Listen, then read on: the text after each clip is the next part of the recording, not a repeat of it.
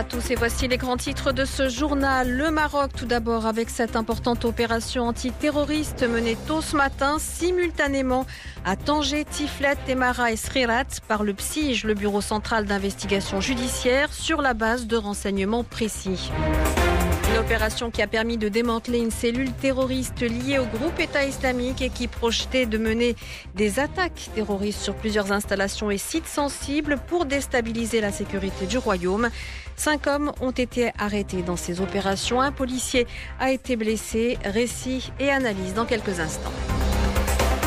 Également dans l'actualité ce soir, cet énorme incendie qui s'est déclaré dans un entrepôt du port de Beyrouth cinq semaines après L'explosion dévastatrice qui a traumatisé la capitale libanaise, les étincelles d'une scie électrique auraient déclenché ce feu.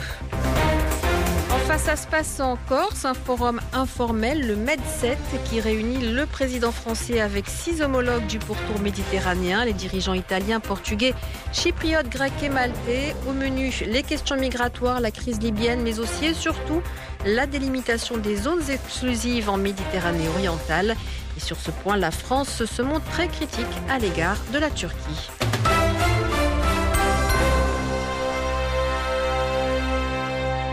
Des opérations de sécurité menées simultanément tôt ce matin dans plusieurs villes du Maroc. Elles ont permis le démantèlement d'une cellule terroriste liée au groupe État islamique.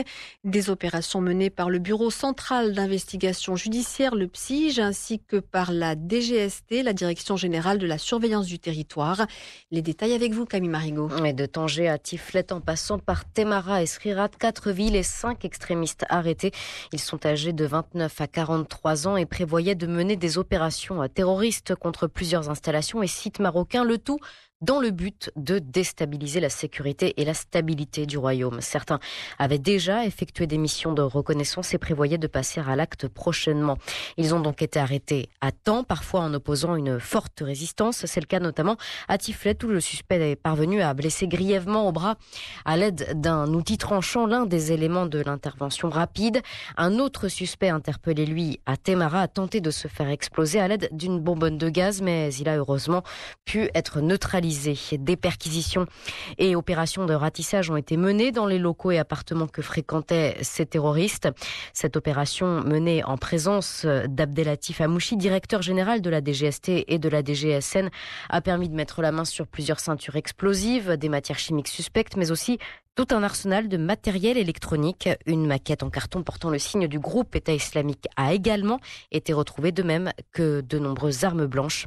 Les cinq personnes interpellées ont été placées en garde à vue pour déterminer l'ensemble des ramifications de l'organisation terroriste et interpeller, et interpeller d'éventuels autres complices. Importante opération, donc opération réussie, fruit d'un travail méticuleux, patient, professionnel. Écoutez Mohamed Ben Hamou, président de la Fédération africaine des études stratégiques. C'est une opération très singulière et très louable aussi parce que c'est une opération euh, chirurgicale donc euh, qui a permis de neutraliser ces euh, éléments malveillants. L'objectif était aussi d'intervenir d'une manière donc simultanée pour éviter qu'il y ait une fuite quelconque ou de quelques éléments ou pour ne pas avoir donc à subir éventuellement un contre-coup. C'est une opération qui montre l'importance le rôle que euh, joue euh, le PSIG, c'est justement toutes, ce sont toutes ces réformes dans le secteur euh, sécuritaire, donc qui permettent aujourd'hui de mener de telles opérations, d'avoir donc une telle efficacité. On peut encore le dire, même quand ces groupes sont en veille, ce n'est pas pour autant donc qu'ils ont disparu. Mohamed Ben Hamou qui répondait aux questions de Pierre Boussel. Et puis, sachez également qu'en Tunisie, aujourd'hui, une cellule a également été démontée dans le sud-est du pays, la région de Bir Trois hommes ont été arrêtés. Ils exerçaient des pressions sur l'imam de la mosquée pour qu'il recrute les jeunes de la région dans l'objectif d'établir une zone terroriste dans le sud-est tunisien.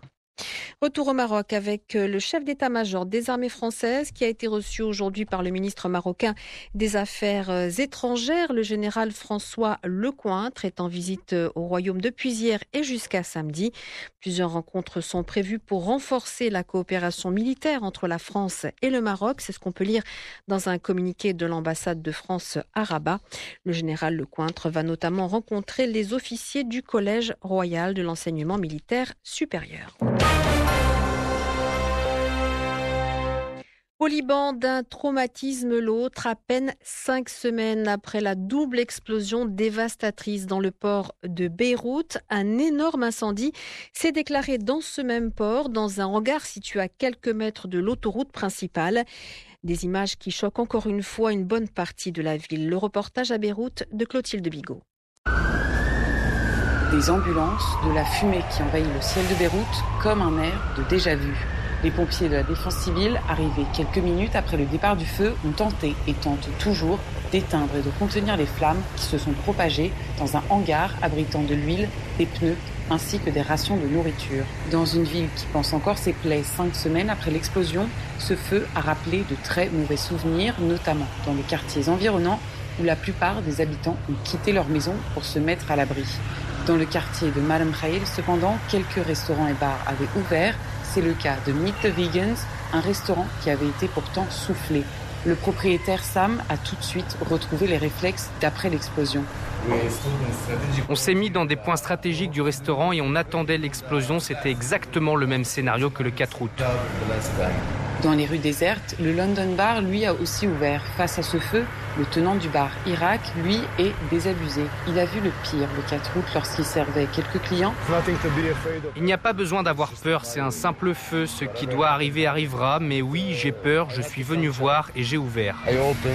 Le feu continue toujours de ravager le port et les fumées toxiques se sont propagées dans toute la ville et étaient visibles à des centaines de kilomètres. Alors que la nuit tombe sur la capitale libanaise, les angoisses reviennent et la question que tout le monde se pose est maintenant Qu'est-ce qui pourrait bien arriver d'autre? Beyrouth, Clotilde Bigot pour Médien.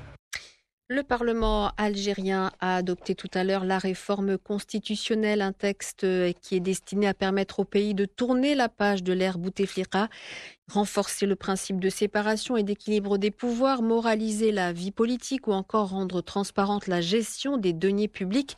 Tout cela est prévu euh, par les amendements. Le président Abdelmajid Tebboune espère ainsi calmer et satisfaire le mouvement de contestation, le Hirak.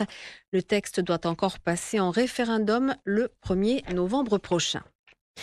En Corse, le président français Emmanuel Macron réunit en ce moment même ses homologues maltais, grecs, chypriotes, espagnols, italiens et portugais.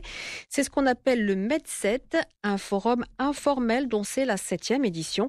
Un sommet où il est euh, presque exclusivement question aujourd'hui de la Turquie et de ses ambitions en Méditerranée orientale. Le président français ne cache pas son exaspération. Nous devons tout faire pour être plus ferme avec le gouvernement du président Erdogan qui aujourd'hui a des comportements inadmissibles, a déclaré le président Emmanuel Macron, référence aux ambitions d'Ankara, qui revendique le droit d'exploiter des gisements d'hydrocarbures dans une zone maritime que la Grèce estime relever de sa souveraineté. La Turquie, bien sûr, n'apprécie pas les critiques françaises. Alors jusqu'où peut-on aller dans cette crise? Écoutez Gilles de Ronsoro, professeur à la Sorbonne. Le ton monte assez fort. Une raison, c'est que le mode de négociation, en tout cas de pression du président turc, donc euh, Recep Erdogan, a toujours été assez direct et assez violent. Mais dans ce cas précis, il est très, très peu probable qu'on en vienne à un affrontement militaire. Pourquoi? Parce que la Turquie et la Grèce et la France font partie de l'OTAN parce que les enjeux sont pas assez significatifs pour qu'on ait une rupture aussi majeure des équilibres de force dans la région et parce que fondamentalement, s'il y avait une rupture de l'équilibre, ce serait probablement du côté de la Turquie. Et là, la Turquie n'est pas dans une position suffisamment assurée régionalement pour se permettre de créer une crise majeure au sein de l'OTAN. On ne voit pas comment Erdogan, qui est dans une position par ailleurs euh, difficile sur le dossier syrien, dont l'économie fonctionne pas très bien, pourrait se permettre une crise de cette ampleur. Un dernier mot pour vous parler de cette initiative franco-allemande pour accueillir des migrants mineurs du camp de Moria, annoncée par la chancelière Angela Merkel. Cette opération concernerait 400 enfants selon une source proche du dossier. Ils seraient répartis dans différents pays de l'Union européenne. Et cela suite bien sûr aux incendies qui ont ravagé ce camp sur l'île de Lesbos. Plusieurs milliers de migrants sont actuellement sans abri et attendent l'arrivée d'une aide d'urgence.